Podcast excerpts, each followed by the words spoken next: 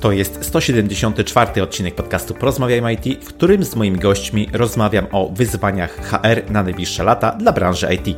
Przypominam, że w poprzednim odcinku rozmawiałem o tworzeniu przyjaznych środowisku i opartych o chmurę aplikacji w Java. Wszystkie linki oraz transkrypcję dzisiejszej rozmowy znajdziesz pod adresem porozmawiajmy.it.pl łamane na 174. Ocena lub recenzja podcastu w Twojej aplikacji jest bardzo cenna, więc nie zapomnij poświęcić na to kilka minut. Od niedawna można wystawiać oceny podcastom w Spotify. Będzie mi bardzo miło, jeśli w ten sposób odwdzięczysz się za treści, które dla Ciebie tworzę. Dziękuję. Zastanawiasz się nad zmianą pracy, ale gdy przeglądasz oferty na popularnych stronach, to nie jesteś przekonany, czy młody, dynamiczny zespół oraz owocowe środy są dla Ciebie? Na szczęście jest Solid Jobs. Portal z ofertami pracy dla ludzi, którzy chcą wiedzieć, ile będą zarabiać, z jakimi technologiami i nad jakimi projektami będą pracować. Solidne oferty pracy znajdziesz na solid.jobs. Ja się nazywam Krzysztof Kępiński, a moją misją jest poszerzanie horyzontów ludzi z branży IT. Środkiem do tego jest m.in. ten podcast. Wspierając mnie przez Patronite pomagasz w realizacji tej misji, dlatego już dziś wejdź na porozmawiajmy o it.pl łamane wspieram i sprawdź szczegóły. Ja natomiast bardzo dziękuję moim obecnym patronom. A teraz życzę Ci już miłego słuchania. Odpalamy! Cześć. Dzisiaj moimi gośćmi są Anna Nowosielska, Global Human Resources Business Partner for Banking and Capital Markets w Luxoft, absolwentka socjologii na UJ i International MBA na UE.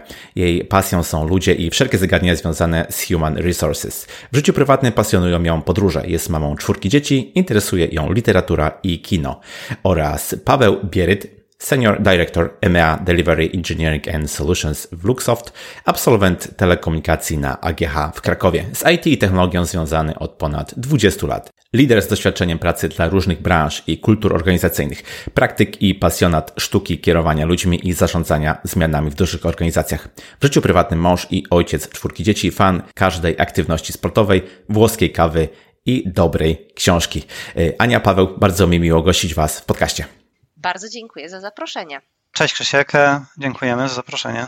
W tej audycji e, tematy techniczne przeplatają się z zagadnieniami, e, no powiedziałbym, bardziej miękkimi i takie też poruszymy dzisiaj, bo IT to nie tylko technologia, ale i ludzie, a może i przede wszystkim ludzie. Sprawdzimy sobie zatem, jakie wyzwania HR-owe stoją przed branżą IT na najbliższe e, lata. Ale zanim do tego przejdziemy, to standardowo chciałbym Was zapytać o podcasty. Czy słuchacie, czy może macie jakieś ulubione audycje, o których tutaj chcielibyście powiedzieć? Może ja zacznę. Jeżeli chodzi o podcasty, to zacznę od czegoś takiego bardziej prywatnego. Jestem wielką fanką zwierza popkulturalnego, czytam, czytam jej blog, książki i wspólnie, prywatnie zwierz popkulturalny nazywa się pani Katarzyna Czajka i wspólnie z Magdą Adamus prowadzi takiego bloga poświęconego książkom czytu czytu. A z takich bardziej branżowych e, mogę polecić Har Detektywów prowadzonych przez Monikę Smulewicz. I może akurat znasz Krzysiek, jest taki podcast Business w IT, który... Piotr Budzki. Dokładnie. Ja z Piotrkiem pracowałam wiele, wiele lat temu w jednej z firm IT. Hmm. Znamy się prywatnie i jakoś tak trafiłam na jego, na jego bloga i no, ciekawie się słucha jego, jego podcastów, tym bardziej, że poruszają różne, różne, różne, różne tematy. Hmm. Podcast, jaki mogę polecić, to Na Miły Bóg Bóg czytany jako książka. To jest podcast e, literacki. Prowadzący tutaj e, opowiadają e, o nowościach na, na rynku wydawniczym, ale też o bardzo ciekawych książkach, na które warto zwrócić uwagę. Z racji tego, że uwielbiam czytać książki, to to jest super połączenie między taką formą tradycyjną a cyfrową. Drugi podcast to redaktora Rosiaka, Raport o stanie świata którego słucham już od wielu, wielu lat. Na początku jeszcze w trójce mm, za dobrych czasów, a teraz w formie cyfrowej. Świetnie, bardzo Wam dziękuję za te e, rekomendacje. E, dobrze, to myślę, że rozpoczniemy sobie z grubej rury i zapytam Was, jakie są właśnie najważniejsze wyzwania HR dla branży IT. Później będziemy sobie może je bardziej w detalach e, omawiać. Co z Waszej perspektywy jest tym, tymi najważniejszymi wyzwaniami obecnie?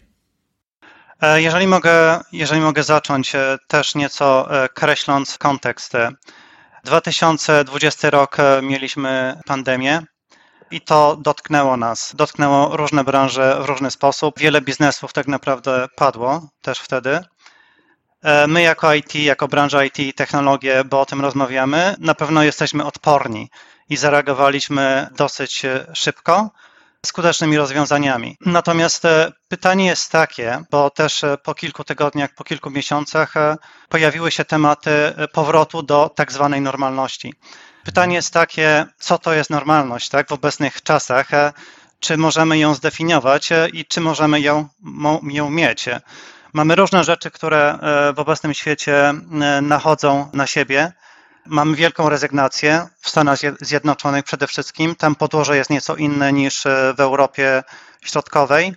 Mamy ceny energii, mamy inflację, ta, która jest dwucyfrowa w naszym regionie. Mamy teraz wojnę w Ukrainie i agresję Rosji.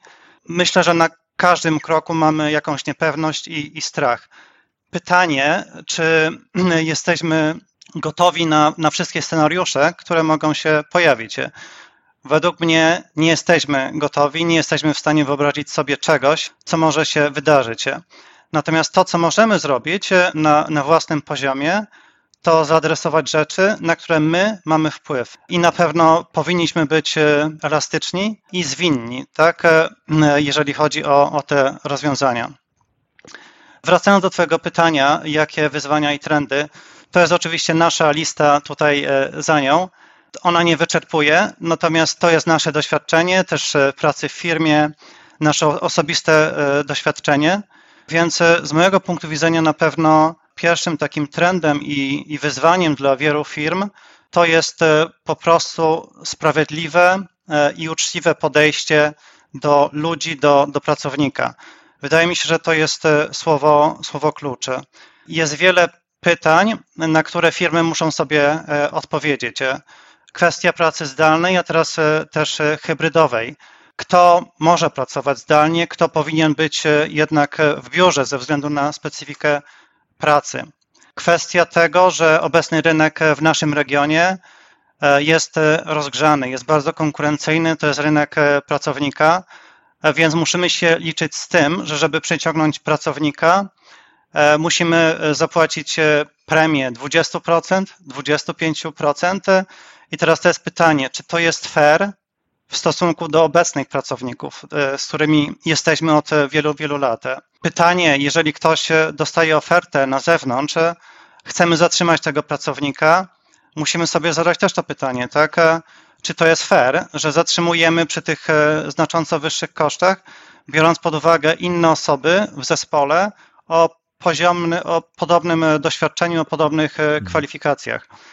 Co robimy, jeżeli pracownik zmienia lokalizację, gdzie są mniejsze koszty albo też większe koszty, natomiast jego wartość dla firmy jest porównywalna. Tak? Więc jest szereg pytań, czasami dylematów, na które firma E, musi sobie odpowiedzieć. E, I, i, I to jakby nazywam tym takim sprawiedliwym, fair podejściem do, do ludzi, do pracowników. Tak, e, i tutaj Paweł już zasygnalizował troszeczkę drugie wyzwanie, które nie jest nowe, bo część z tych rzeczy, o których mówił Paweł, kreśląc szerszy kontekst, pojawiło się, pojawiło się niedawno.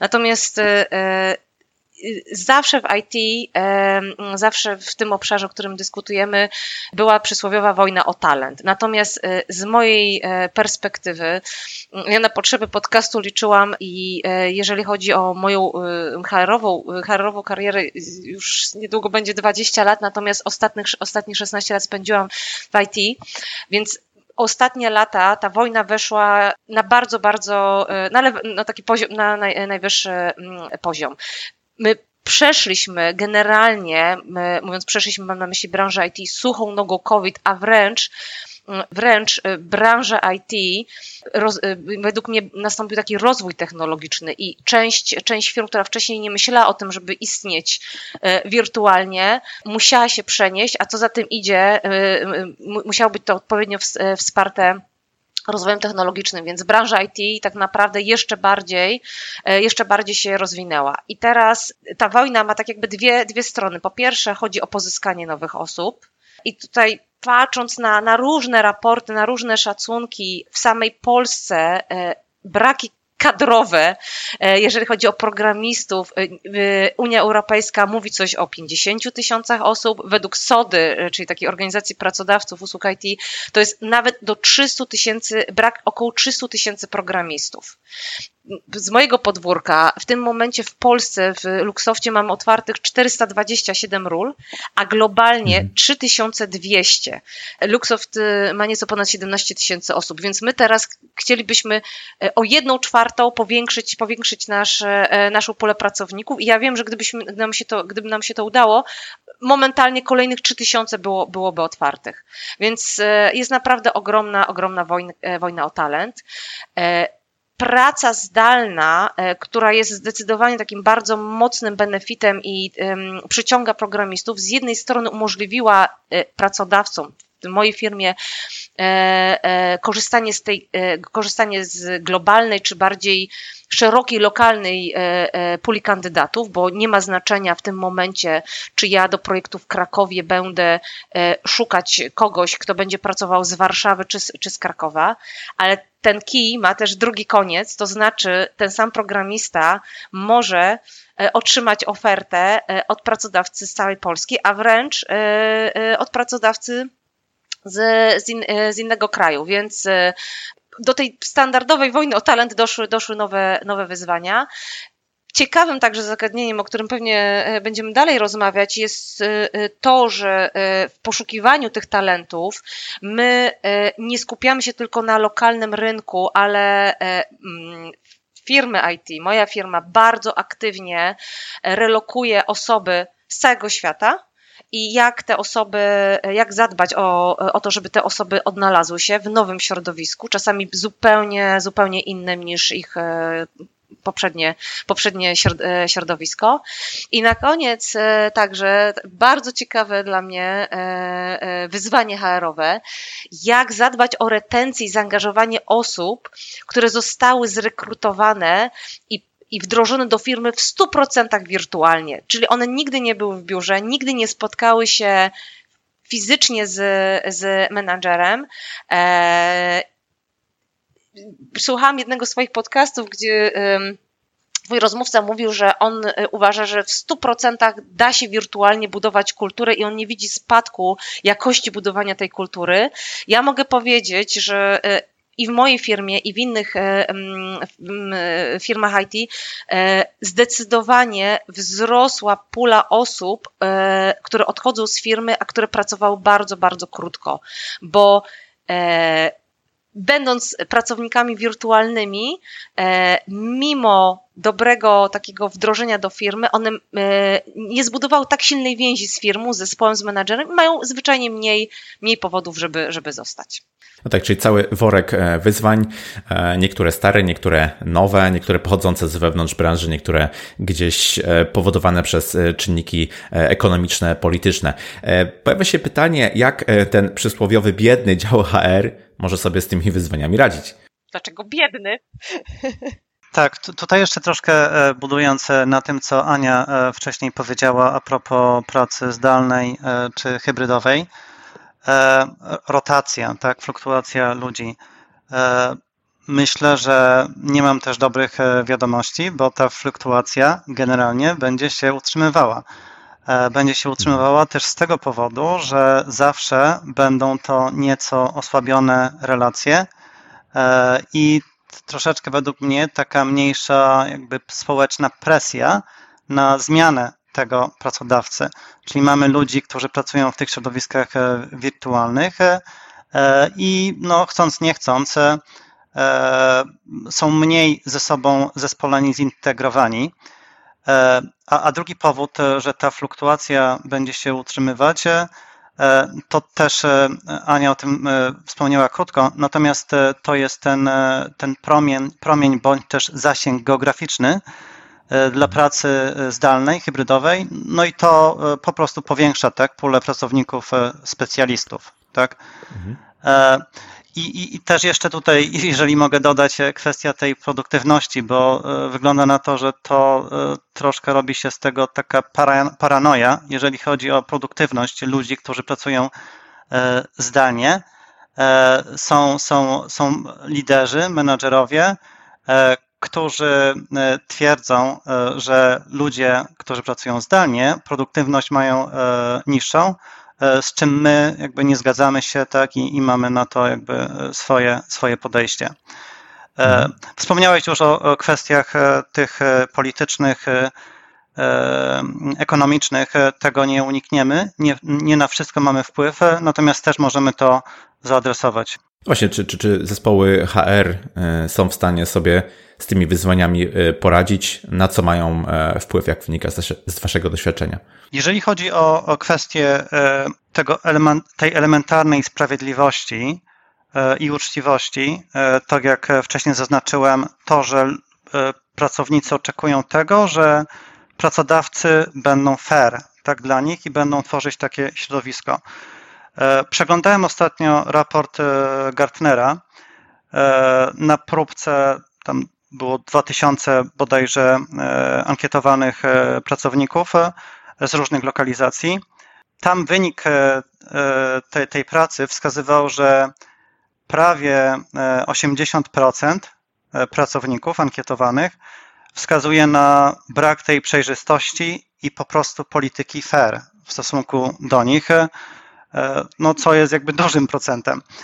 E, brak przejrzystości ma też bezpośredni wpływ na to, że e, i to wpływa na produktywność, czyli jak jesteśmy produktywni, a na o to chodzi przedsiębiorcy, tak, żeby tą wartość budować, plus wpływa na, na lojalność pracowników, czyli pracownik może stwierdzić, OK, w tym środowisku to środowisko nie jest zgodne z jego preferencjami, aspiracjami, przekonaniami i podejmie decyzję o tym, żeby, żeby odejść tak, od, od firmy.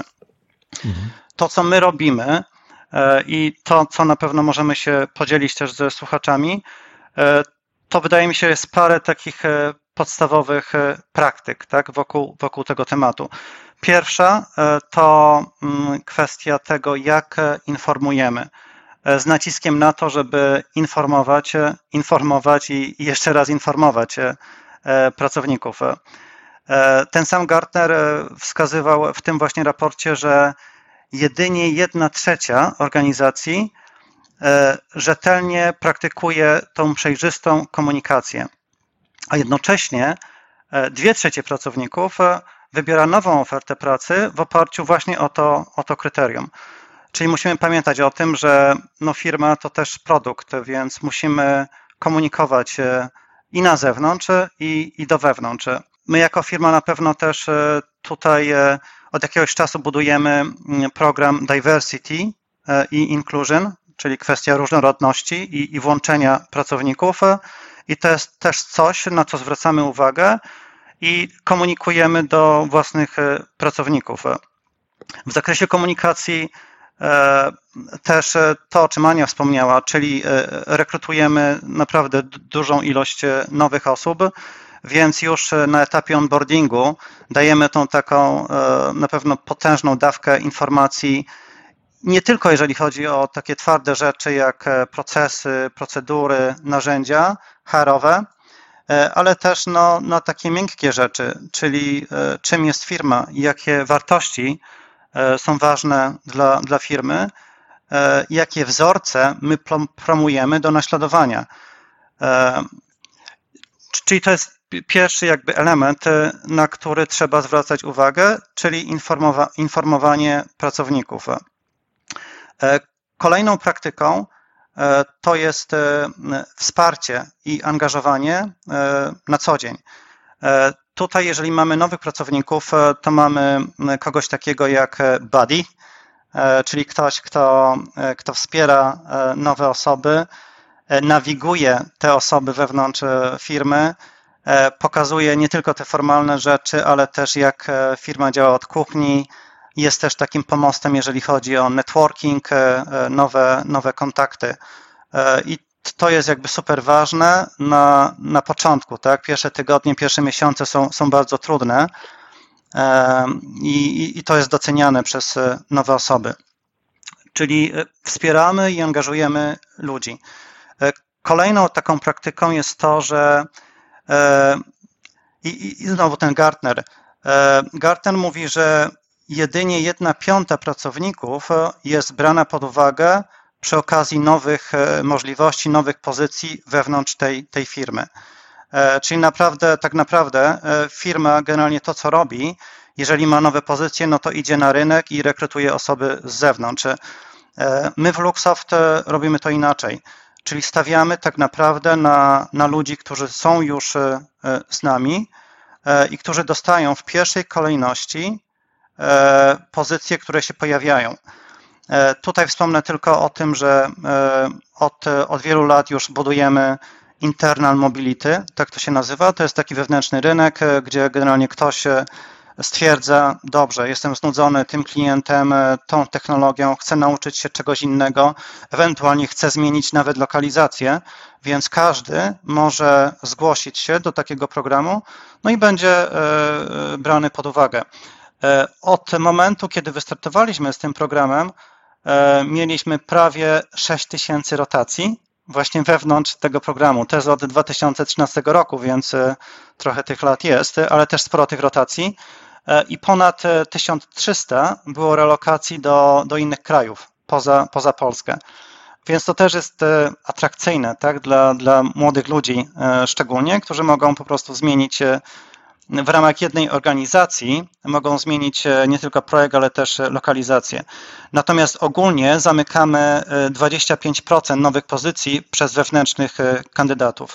I, I ostatnim tutaj zamykając jakby ten wątek sprawiedliwego, uczciwego, fair podejścia środowiska, jest to, co, co myślę, że jest e, no, niedoceniane przez, e, e, przez obecnych liderów, czyli kwestia doceniania pracownika.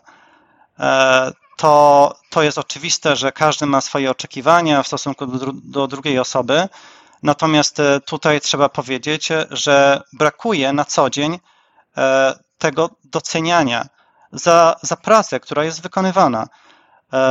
Mamy przypadki też e, wypalenia tak, e, osób, pracowników e, i jest taka pokusa wtedy i takie szybkie rozwiązanie, ok, możemy dać komuś premię, jakieś wynagrodzenie finansowe, natomiast to, to jakby to, to nie jest to, czego ludzie oczekują. Oczywiście pieniądze są ważne, tak, i ludzie też oczekują wynagrodzenia, Natomiast ta gratyfikacja działa tylko na to, co już było, co się wydarzyło. Tak? Ktoś wykonał pracę, więc oczekuje tego, że zostanie wynagrodzony tak, za tą pracę.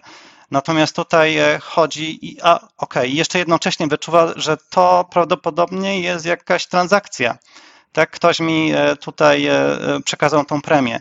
Natomiast to, co ludzie oczekują, to uznania, tak, wzmocnienia mhm. relacji, i, i, I, to wydaje mi się, że jest niedoceniane i, i powinniśmy na to zwrócić uwagę i to, jak e, te, tego typu zachowania wzmacniamy, wzmacniamy też e, e, w naszej, w naszej firmie. No oczywiście równowaga, brak presji, no to, to też jest jakby świetne narzędzie do motywowania, szczególnie jeżeli chodzi o, o nowe, nowe pokolenie, tak, które wchodzi na, na rynek pracy. I to, co tutaj chciałbym jeszcze zwrócić uwagę, to kwestia tej pracy zdalnej, e, pracy hybrydowej, też może się pojawić e, taka pułapka, że e, liderzy mogą być stronniczy w ocenie takiego pracownika, bo jeżeli lider, menadżer jest w biurze fizycznie i widzi tam ktoś pracuje od rana do wieczora po prostu ciężko, może mieć taką inklinację do tego, że, że widzi go troszeczkę inaczej. Więc to też e, zwracamy na to uwagę e, i, i tak budujemy te wzorce e, w firmie. Jak Krzysiek mam taką, taką, taką refleksję, że właściwie o każdym z tych wyzwań, o których powiedzieliśmy na początku, pewnie można byłoby zrobić osobny godzinny podcast. Na pewno. I, i nawiązując do, do Twojego komentarza o biednym dziale, dziale HR. Nigdy nie myślałam tak o, swoj, o, swoj, o, swoim dziale, chociaż oczywiście nie z każdym wyzwaniem możemy sobie, sobie poradzić i to nie tylko dział HR, ale generalnie jako firma.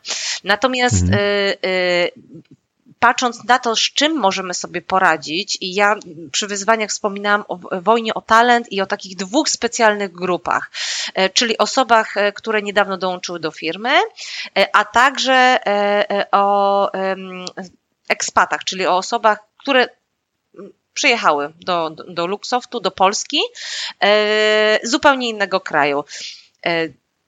Tak, może, może zacznę w ogóle od zagadki. Jak sądzisz, z ilu narodowości, z ilu krajów mamy w Luxoftie pracowników? No, będę strzelał. Tak. 35? 52. 52 to są takie najświeższe dane, które sprawdzałam przed, przed naszym spotkaniem całkiem, całkiem e, e, imponująca liczba i to są kraje naprawdę i kraje takie bliskie nam kulturowo, czyli na przykład mhm. teraz dużo osób e, przyjeżdża i przyjeżdżało zawsze z Ukrainy czy, czy z Białorusi, ale mamy także całkiem sporo grupę osób z Brazylii, z Indii, z Nigerii, więc krajów odległych i geograficznie, i kulturowo. I teraz, co co, co, co dla nas było ważne e, przy budowaniu różnego rodzaju e, programów retencji, to po pierwsze zrozumienie tak naprawdę, co te osoby przeżywają, bo mm, tutaj troszeczkę się HR-owo wymądrzając, jest taki dosyć popularny model, e, który po angielsku nazywa się The U-Curve of Cultural Adaptation. E, nie wiem, jak to zgrabnie przetłumaczyć na język polski, ale e, generalnie bardzo już tak wprost tłumacząc, chodzi o to, że ta linia adaptacji kulturowej ma, liter, ma literkę U. I dlaczego? Dlatego, że kiedy zaczynamy e, relokację, kiedy jesteśmy e, w nowym kraju, przeważnie, przeważnie jest taki okres, który nazywa się okresem miesiąca miodowego. Wszystko nas ekscytuje, mhm. wszystko, wszystko nam się podoba, jesteśmy jak, jak, jak dzieci, ciekawi, otwarci i szczęśliwi. Natomiast około mm, drugiego, trzeciego miesiąca pojawia się taki zjazd e, i e, e, przechodzimy do etapu kulturowego szoku, który trwa w zależności też od pewnych predyspozycji indywidualnych kilka miesięcy i wtedy nasz, nasz poziom szczęścia, poziom satysfakcji jest absolutnie negatywny. Wszystko nas drażni, wszystko nas irytuje. Porównujemy nieustannie, jak dobrze, jak, jak źle coś działa kraju, w którym jesteśmy versus naszym kraju, z którego, z którego przyjechaliśmy. Po czym e, po kilku miesiącach powolutku wychodzimy z tego, mm, e, z tego mm, szoku kulturowego, dostosowujemy się i e, około roku, znowu to są takie, to jest oczywiście uśrednione dane, około roku następuje taka już adaptacja. I wiedząc, co, e, e, co, co te osoby, e, które się relokują, przeżywają, wiemy, jak, jak bardzo ważne jest wsparcie tych osób. I to nie tylko wsparcie informacyjne, to jest bardzo, bardzo ważne, żeby już przed, pod, na, przed etapem podjęcia decyzji przedstawić jak najwięcej informacji, obiektywnych informacji od y, skali miasta, w którym dana osoba będzie e, mieszkała, po bardzo ważne kwestie finansowe, jak wyglądają podatki, kwota na kontrakcie kwotą brutto, co to oznacza mniej więcej hmm. e, na przysłowiową rękę, ale także ważne jest, żeby zadbać właśnie o taki, o taki dobrostan. I w związku z tym, ponieważ e, mamy osoby z 52 krajów i one stanowią prawie połowę naszej tutaj e, w Polsce luksoftowej społeczności, więc to jest naprawdę skala ponad tysiąca osób. Mamy program od wielu lat, który nazywa się One Team, jeden zespół, gdzie przez różne procesy, takie jak e, dodatkowe sprawdzanie, taki, taki czek, e, jak dana osoba się, jak dana osoba się czuje, specjalne wprowadzenie, zupełnie inaczej wygląda e, wprowadzenie do firmy osób zrekrutowanych na lokalnym rynku, osoby, które są z innych krajów, mają dodatkowe sesje, gdzie mówimy o polskim prawie pracy, o, o, o procesie relokacji, o właśnie tym, jak czytać swój pasek płacowy. E, poprzez takie kwestie e, związane z tym, żeby poznać miasto, w którym mieszkasz, czyli na przykład mamy e, lux tripy, czyli mhm. sesje z przewodnikiem po Krakowie, po Gdańsku, po Warszawie, w zależności gdzie ta, gdzie ta osoba zdecydowała się relokować, ale także bardzo, bardzo ważne w trosce o dobrostan naszego pracownika jest zadbanie także o jego bliskich, bo coś, co bardzo szybko zrozumieliśmy, to, że nawet jeżeli pracownik jest dobrze zaadaptowany i dla pracownika czasami jest zwyczajnie prościej, bo on przyjechał, ma pracę, o tyle dla osób towarzyszących mu, e, dla partnera, partnerki, dla dzieci, e, często ta druga osoba nie ma pracy, dopiero będzie szukać mhm. pracy na polskim rynku i to oznacza naprawdę bardzo trudną zmianę i mieliśmy y, przypadki, gdzie sam pracownik czuł się dobrze, natomiast decyzją całej rodziny było wrócić do do kraju, mhm. z którego przyjechał, bo e, jego bliscy po prostu nie czuli się tak dobrze. Więc e, taką drugą odnogą e, naszego programu One Team są specjalne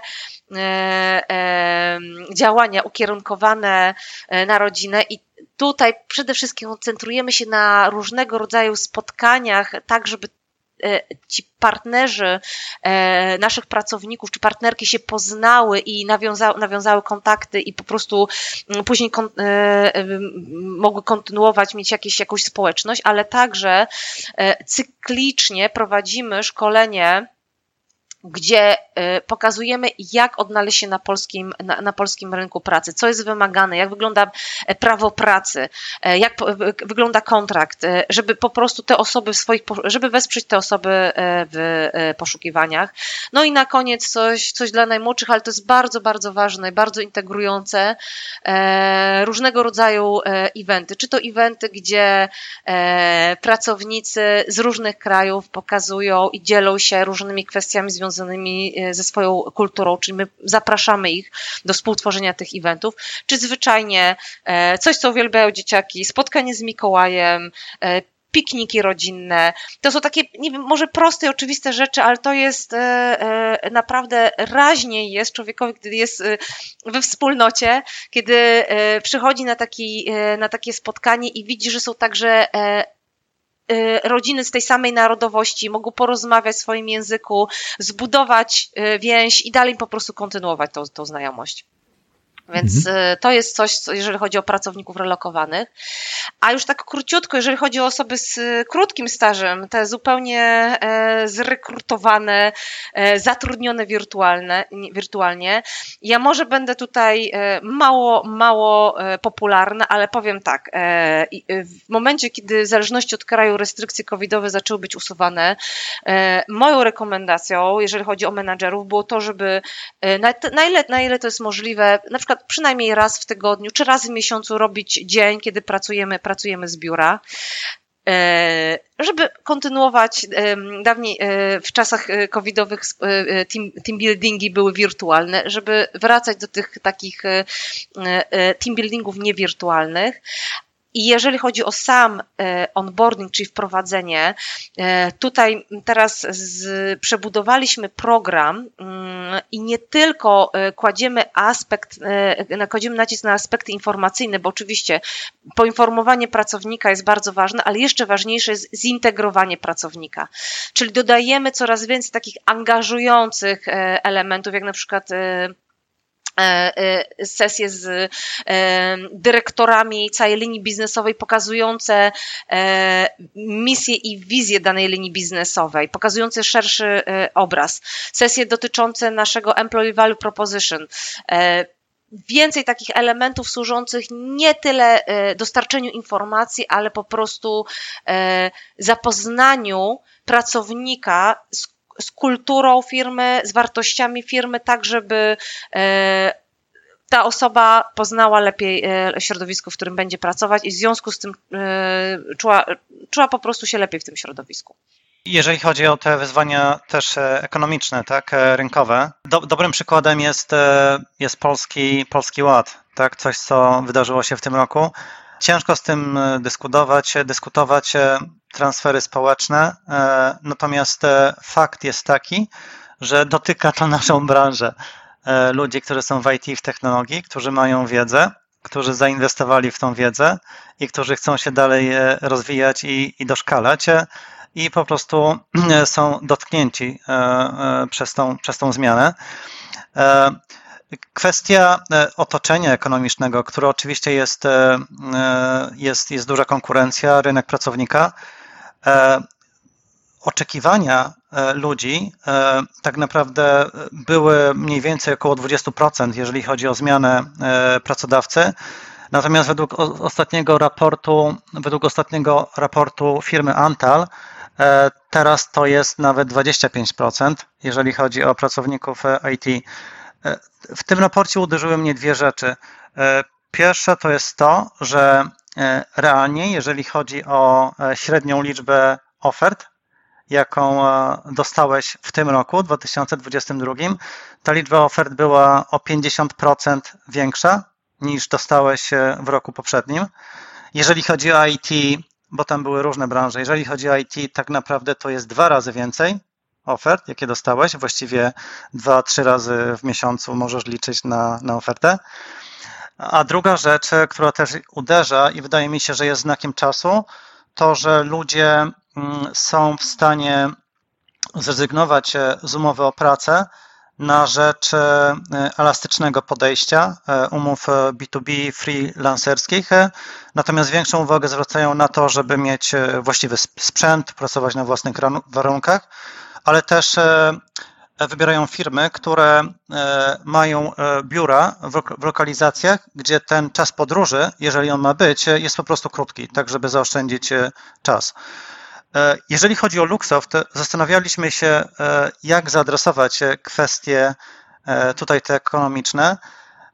Były różne tak naprawdę pomysły, natomiast ostatecznie zdecydowaliśmy się na rozwiązanie E, które wydaje się nam e, bardzo proste i takie sprawiedliwe, włączające, e, czyli będzie to dodatkowe wynagrodzenie, 13 pensja, którą będziemy wypłacać każdemu pracownikowi w naszym roku fiskalnym, ale nie tylko pracownikowi, ale też ludziom, którzy zdecydują się na, na dołączenie jeszcze w tym roku kalendarzowym, tak? czyli 13, 13, 13 wynagrodzenie.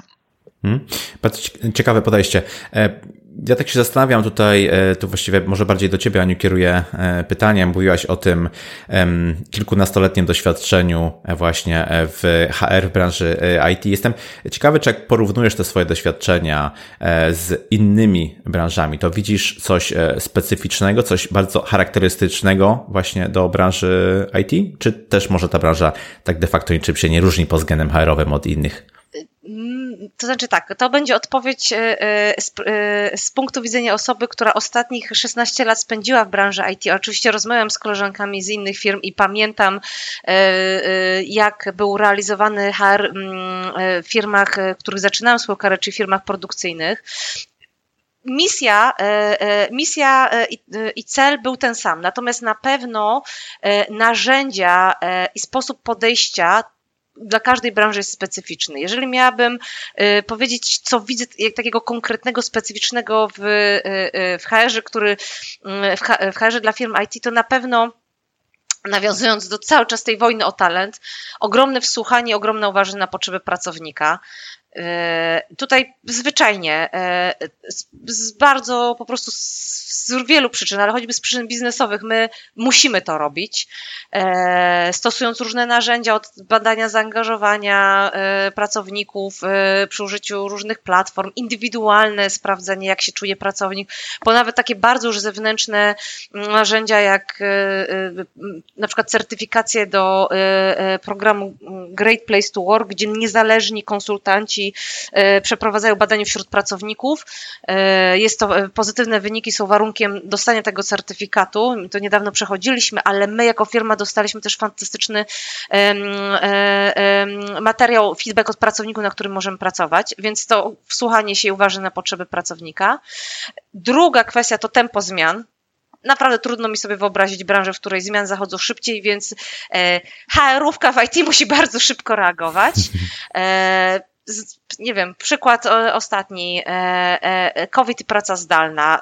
Do pewnego stopnia u nas już przed, przed, przed COVID-em była praca zdalna, aczkolwiek nie w 100%. Natomiast my z dnia na dzień e, przeszliśmy na pracę zdalną i trzeba było z dnia na dzień dostosować narzędzia, procedury, procesy do tego. No i trzecia rzecz, trzeci czynnik, który sprawia, że także moja praca jest, myślę, że sprawniejsza e, i taka przyjemniejsza, to ogromne otwarcie na takie e, wsparcie technologiczne na różne, na różne programy, bo tak w tym momencie jednym z takich aspektów, gdzie firma konkuruje z innymi firmami jest ogólnorozumiany employee experience z uwagi na pracę zdalną, wirtualne e, e, employee experience e, jest teraz mega, mega ważne, więc ja sobie nie wyobrażam, prowadząc różnego procesu, procesu, prowadząc różne procesy czy programy, nie korzystać z dobrych, wygodnych narzędzi, mając na pokładzie 17 tysięcy specjalistów, którzy tworzą takie narzędzia. Więc to jest ten aspekt technologiczny.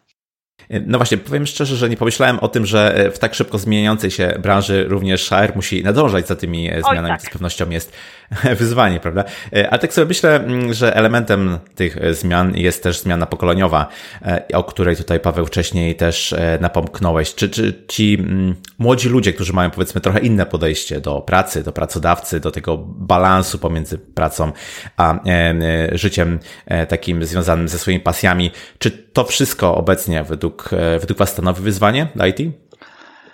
E, myślę, że przede wszystkim e, zmiany pokoleniowej nie możemy uniknąć. E, jest nieunikniona i mhm. ciągła.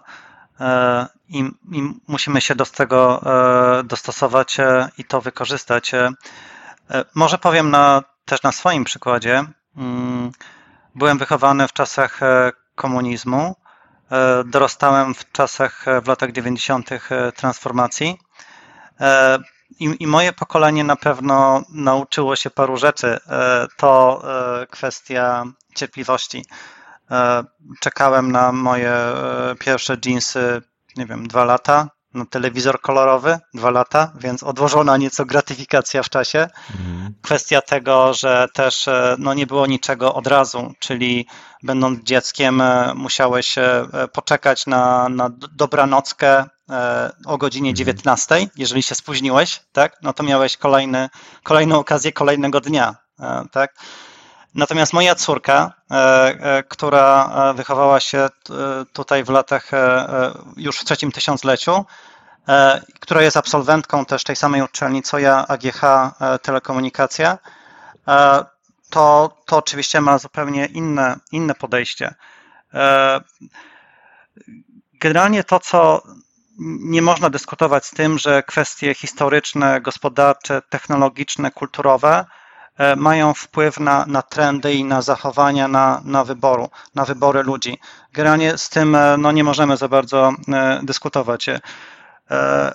Ludzie w obecnym pokoleniu myślę, że jednak mają większą pewność siebie i myślę, że też większą asertywność E, w stosunku do poprzedniego pokolenia. E, e, ludzie tego pokolenia kwestii autorytetów nie przyjmują tak, tak łatwo też ściemy różnej. Tak? To są naprawdę racjonalnie myślący ludzie, którzy cenią sobie wolny czas, swój prywatny czas, mają konkretne zainteresowania, hobby i niekoniecznie chcą poświęcać ten czas dla firmy. Na pewno te osoby oczekują zmian tak, i, i ciągłego, ciągłego rozwoju. Jednocześnie są e, dużo bardziej mobilne, więc też e, naturalnie mają e, możliwości zmiany pracy. To, co my w firmie staramy się wzmacniać u menadżerów, u liderów, to jest to, żeby wykorzystać właśnie mm, te, te pozytywne cechy tego nowego pokolenia, chodzi o to, żeby przede wszystkim rozmawiać, słuchać, no i docierać tak, do tych prawdziwych potrzeb i zaspokajać je indywidualnie, tak? bo dla każdej osoby może być coś innego, co, co ma lepszą motywację. Oczywiście trzeba tłumaczyć, pokazywać szerszą perspektywę, angażować i dawać tą przestrzeń tak, do, do działania. E, myślę, że to, co też jest e, ważne, żeby pokazywać e, kwestię samej budowy swojej osobistej marki w IT, bo to jest jakby mega ważne, ale w ten sposób też można tak naprawdę zaangażować te osoby lepiej w aktywności, które jak wykraczają poza takie podstawowe obowiązki, można świetnie też motywować ludzi w ten sposób, że, że budują swoją markę w IT te osoby, chociaż oczywiście nie tylko e, one, coraz częściej należą do takiej grupy osób nazywanych gigerami, czy też z angielska e, gigers, zatem osób, które, dla osób, które pracują nad wieloma projektami, dla wielu pracodawców, często równocześnie, co jest e, w ogóle ciekawym zagadnieniem. No i właśnie zastanawiam się, czy według Was tego typu nowe, świeże, inne podejście do sposobu pracy jest szansą, bo z drugiej strony może za pełnić luki, braki w IT, czy też może jest e, wyzwaniem i zagrożeniem do IT, ponieważ zbudowanie kultury organizacyjnej w takim środowisku jest e, pewnie dużo trudniejsze. Co o tym myślicie? E, to, to jest coś, co, co wcześniej już wspomniałem, kwestia preferencji wyborów ludzi, co jest dla nich ważne i faktycznie ta umowa o pracę, która kojarzy się, ma percepcję tej stabilności związania, to jest e, już mniej ważne dla ludzi, którzy chcą faktycznie e, mieć bardziej elastyczny sposób pracowania w miejscu, w czasie, na zasadach, które są właściwe dla tej, dla tej osoby. Więc na pewno to jest trend e, i, i możemy tylko wykorzystać taki trend. Natomiast e, e, zanim rozwinę to, to może dalej też w jaki sposób Luxoft jest uczestnikiem tego rynku, to kwestia szersza samej gig ekonomii, tak? czyli świadczenia tej pracy, która jest elastyczna, która też charakteryzuje się projektowym, a czasami nieco takim transakcyjnym podejściem pracownika, e, czy też e, gigersa e, oraz usługodawcy do, do współpracy. Lubię też patrzeć na, na gig ekonomię jako mm, rozwiązanie problemu ostatniej mili. Tak, mamy coś takiego w telekomunikacji, w logistyce dla kurierów, gdzie faktycznie koszty tej ostatniej mili są, są wysokie. Gig ekonomia, Stany Zjednoczone, właściwie już od ponad dekady e, gigersów e, z roku na rok jest coraz więcej. Mówi się o tym, że e, w Stanach Zjednoczonych to będzie zaraz około 50%, podobnie w Europie i podobnie w Polsce. Gig ekonomia rozwija się dynamicznie, mamy nowe technologie, mamy też tą taką modernizację, dostosowanie rynku, rynku pracy, więc tak naprawdę to nas czeka.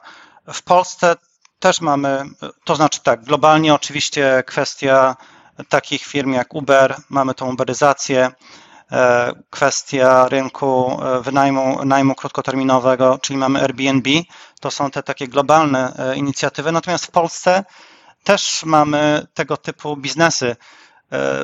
Dobrym tu przykładem jest, są paczkomaty, na przykład Rafała Brzoski, prawda, które rozwiązują kwestię tej mhm. ostatniej mili ale też e, są różne pomysły. Talent Alpha, e, mogę wymienić tą firmę, która buduje taką e, platformę w stylu Human Cloud, ale też gdzie właściwie to są gigersi, tak, którzy są w tej platformie, małe firmy, bądź też takie jednoosobowe działalności i platforma umożliwia połączenie z jednej strony właśnie gigersów, z drugiej strony duże firmy międzynarodowe. Natomiast jeżeli o tym myślę, o gig ekonomii, e, oczywiście ona tutaj bardzo szybko adoptuje się do takich prostych e, usług, natomiast e, w przypadku pracowników wiedzy myślę, że jeszcze musimy zrobić parę rzeczy.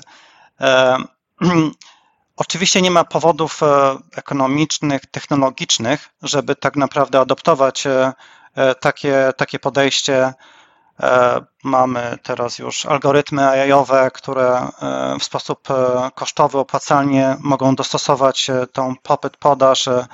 Mamy różne oprogramowanie do zarządzania pracą, do mierzenia tej pracy, jakości tej pracy. Mamy blockchain ze smart kontraktami, który może umożliwić taką efektywne kontraktowanie. Natomiast na pewno są e, bariery e, kulturowe, organizacyjne.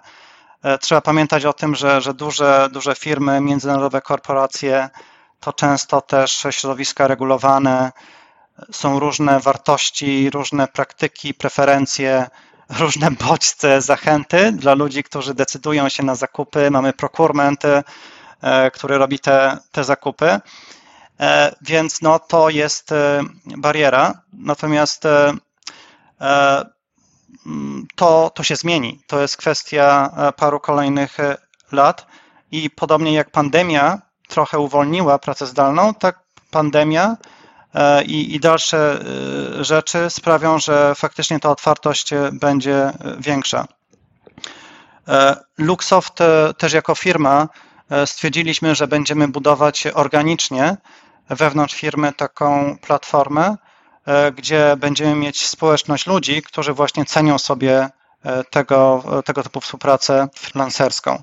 Tutaj chciałbym na chwilę wrócić do e, tego, o czym Ania mówiłaś, co się wiąże z pracą e, w właśnie branży IT jako działu HR, czyli dostępu do e, narzędzi, do rozwiązań, do technologii, która jest w stanie wspomóc wiele właśnie z działań tego, e, tego działu. E, czy w Twojej opinii są jakieś takie rozwiązania, e, narzędzia może właśnie, które stosujesz pracując w HR, w IT, które mogłyby być w Twojej opinii używane szerzej, czy też w branżach, które nie mają powiedzmy takiego łatwego dostępu do tworzenia tych rozwiązań, tych, tych narzędzi? Czy są jakieś osiągnięcia IT, HR-owców powiedzmy, z których inne branże mogłyby czerpać? To znaczy, y, narzędzia, myślę, że jeżeli chodzi o takie narzędzia IT, to y, mm, teraz ten rynek y, narzędzi IT dla HR-owców jest naprawdę bardzo, bardzo, bardzo bogaty. Jak dawniej były tylko takie mhm. wielkie systemy i zwyczajnie małe firmy czy nie mogły sobie pozwolić, czy, czy no, byłoby to tak jakby, nie wiem, duży kombajn kupować do jakiegoś małego gospodarstwa. Nie, nie miało to większego sensu. Tak teraz ja akurat lubię śledzić takie, e, takie nowinki technologiczne. Naprawdę są e, rozwiązania dostosowane do skali e, i potrzeby każdej firmy. Od naprawdę fantastycznych mobilnych aplikacji onboarding, onboardingowych, czyli wprowadzających pracownika, które od samego początku właśnie integrują pracownika z firmą, skracają dystans między pracownikiem a menadżerem i te rozwiązania testowałam niedawno, e, e, wcielając się właśnie raz w rolę pracownika, raz w rolę menedżera, są po prostu e, fantastyczne. Szczególnie jak myślę o naszych klientach wewnętrznych, bardzo młodych osobach, które wychowały się na tego typu aplikacjach, jest to no, bardzo przyjemne i bardzo, bardzo fajnie się z tego korzysta. Natomiast mhm. myślę, że na pewno jeżeli chodzi o inne branże, tam gdzie jeszcze nie ma takiego, takiego, takiej troski o pracownika i wsłuchaniu się w jego potrzeby, to my, my, myślę, że, że to jest coś, e, co e, co, co warto, e, czym warto się zainspirować, z tego względu, że ogólnie nie tylko w IT rynek talentów się e, kurczy, e, nie tylko w Polsce są zmiany demograficzne, więc naprawdę nie tylko, nie, nie tylko jeżeli chodzi o IT, pozyskanie dobrego specjalisty i później go utrzymanie będzie coraz, będzie coraz większym problemem. Więc na, pew, na pewno to i jeżeli chodzi nawet o takie praktyczne przykłady, ja mówiłam o tym, że biznesowo opłaca się e, e, wsłuchać, e, wsłuchać w te troski pracownika i nie wiem, z takich, pierwsza rzecz, która mi przychodzi do głowy, zadowolony pracownik jest najlepszym ambasadorem firmy. Ile firma by nie wydała na kampanie marketingowe, kampanie employer brandingowe, to jeżeli sami pracownicy e, nie będą, nie będą zadowoleni e, e, w takim środowisku jak IT błyskawicznie te informacje się roznoszą, więc nasi pracownicy akurat są bardzo dobrymi ambasadorami i my od wielu lat po prostu wykorzystujemy część, wykorzystujemy naszych pracowników jako ambasadorów i duża część naszych nowych pracowników przychodzi właśnie dzięki, dzięki programowi poleceń. Drugą taką rzeczą, która tak przychodzi mi, jeżeli chodzi o odpowiedź e, na to, co się, no, na, na to, co się dzieje, COVID, teraz wojna, e, to programy e, dbające o dobrostan, czyli well-beingowe, ale tutaj mam na myśli coś więcej niż obsimiane banany w stołówce, tylko stworzenie mhm. całego ekosystemu wspierającego pracowników od oferowania elastycznych godzin pracy i to naprawdę mam czwórkę dzieci I wiem, jak to jest ważne, ale nie mając czwórki dzieci, Paweł wspomniał o tym, jak dla młodych osób jest ważny po prostu czas. I to jest oferując elastyczne godziny pracy, tworząc atmosferę, e, e, i tu jest kluczowa rola menadżera, gdzie e, mniej liczy się, mniej liczy się takie, takie dokładne, skrupulatne sprawdzanie zadań, a bardziej chodzi o, o to, co ta osoba dostarczy, tak, a nie, nie konkretnie ile godzin przepracowała. Różnego rodzaju narzędzia, platformy, profesjonalne wsparcie psychologów, to jest coś, co myślę, że każda od średniej, właściwie każda firma po, powinna rozważyć, żeby w ten sposób e, wspierać swojego pracownika, a e, czy w naszej firmie, czy w innych firmach e, IT, te programy właśnie wellbeingowe, to takie elastyczne podejście i wsparcie dobrostanu psychicznego pracownika stoi bardzo wysoko, na bardzo wysokim poziomie. Myślę sobie, że elementem, czy też częścią reagowania na tego typu wyzwania jest nie tylko odpowiadanie na te bieżące problemy, które są widoczne tu i teraz, ale też próba w jakiś sposób przewidzenia tego, co nas może spotkać w przyszłości. Dużo tutaj dzisiaj rozmawiamy o zmianie i w związku z tym zastanawiam się, czy prognozowanie trendów, zmian, e, tych zjawisk nowych, jakichś zmian gospodarczych, które mogą mieć wpływ właśnie na działania działów HR w IT, czy, czy to w ogóle ma sens w tak szybko zmieniającym się świecie otoczeniu? Ja myślę o tym nawet troszeczkę inaczej. E, lubię być sprawczą osobą, więc e, myślę, mhm. że e, powinniśmy nawet przyjąć taką bardziej aktywną rolę, kształtując pewne trendy, czyli pojawia się wyzwanie związane z niedoborem talentu. Odpowiedzią na to jest praca zdalna czy, czy, czy relokacje. Pojawiają się różnego rodzaju wyzwania mm, nie wiem, gospodarczo-ekonomiczne, e, duże firmy poprzez różne instytucje e, mm, podnoszą konieczność na przykład zmiany legislacyjne czy dostosowania kodeksu pracy, bo nasz e, kodeks pracy w Polsce, przyznam, nie pamiętam z którego jest roku, ale ma już kilkadziesiąt lat, więc absolutnie zmieniły się w tym momencie, w tym momencie realia. Znowu wracając do tego niedoboru talentów, różnego rodzaju programy, które propagują, współpracując z uczelniami, czy nawet nie tylko uczelniami wyższymi, ale nawet y, y, liceami, propagują kształcenie w IT i na przykład e, promują wśród kobiet e, to, e, żeby rozważały swoją, swoją rolę, mm, swoją, swoją ścieżkę kariery w tej, w tej branży. Więc ja myślę, że Ciężko jest pewne rzeczy mm, prognozować i znowu te najbliższe wydarzenia ostatnich lat nikt, nikt nie spodziewał się tego, co nastąpi. Mam na myśli COVID i, i, i ostatnią wojnę, która jest za naszymi granicami. Natomiast e, na pewno warto e, brać udział e, w takim aktywnym wpływaniu na, na to, co się dzieje dookoła nas. Też to, co wcześniej Ania powiedziałaś, wydaje mi się, że kwestia też tej cyfryzacji HR-ów to, to jest trend i tak to będzie wyglądało. Są różni dostawcy technologii, E, kwestia automatyzacji procesów, e, zadań takich powtarzalnych e, dla menadżerów też. Gdzieś czytałem, że w przyszłości ponad 60% zadań menedżerskich może być zastąpionych przez takie narzędzia, hmm. więc to jest kwestia zredefiniowania tak naprawdę lidera i menadżera w środowisku IT. To, że będziemy oceniani też jako pracownicy nie tylko i wyłącznie jako przez, przez wynik, tak, taki outcome, ale też e, kwestie inne, kontekstowe, które wpływają tak, e, na tą naszą pracę, kwestie nowych technologii, kwestie też prywatne, osobiste, e, plus cele osobiste, rozwojowe. Wydaje mi się, że to też jest zgodne z oczekiwaniami tych nowych pokoleń, które wchodzą na, na rynek pracy i to na pewno zawsze warto śledzić i no tak jak Ania powiedziała, bardziej aktywnie, proaktywnie na to wpływać niż też tylko e, reaktywnie. Świetnie. E, Anna Nowosielska i Paweł Bieryt z firmy Luxoft byli moimi gośćmi, a dzisiaj rozmawialiśmy o wyzwaniach HR na najbliższe lata dla branży IT. Ania, Paweł, bardzo Wam dziękuję za poświęcony czas. Dziękuję. Dzięki. Ale zanim się złączymy, powiedzcie jeszcze, gdzie Was można znaleźć w internecie, gdzie możemy słuchaczy odesłać. Osobiście można mnie znaleźć od e, właściwie 2002 albo 2003 roku na platformie LinkedIn. To jest najlepsze miejsce.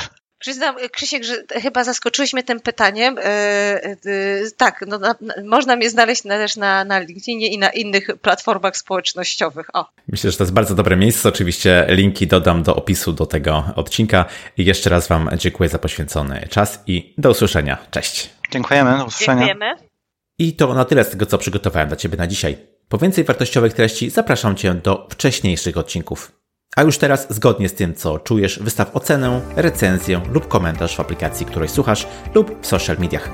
Zawsze możesz się ze mną skontaktować pod adresem krzysztofmałpa porozmawiajmy o it.pl lub przez media społecznościowe. Ja się nazywam Krzysztof Kępiński, a to był odcinek podcastu Porozmawiajmy IT o wyzwaniach HR na najbliższe lata dla branży IT. Zapraszam do kolejnego odcinka już wkrótce. Cześć!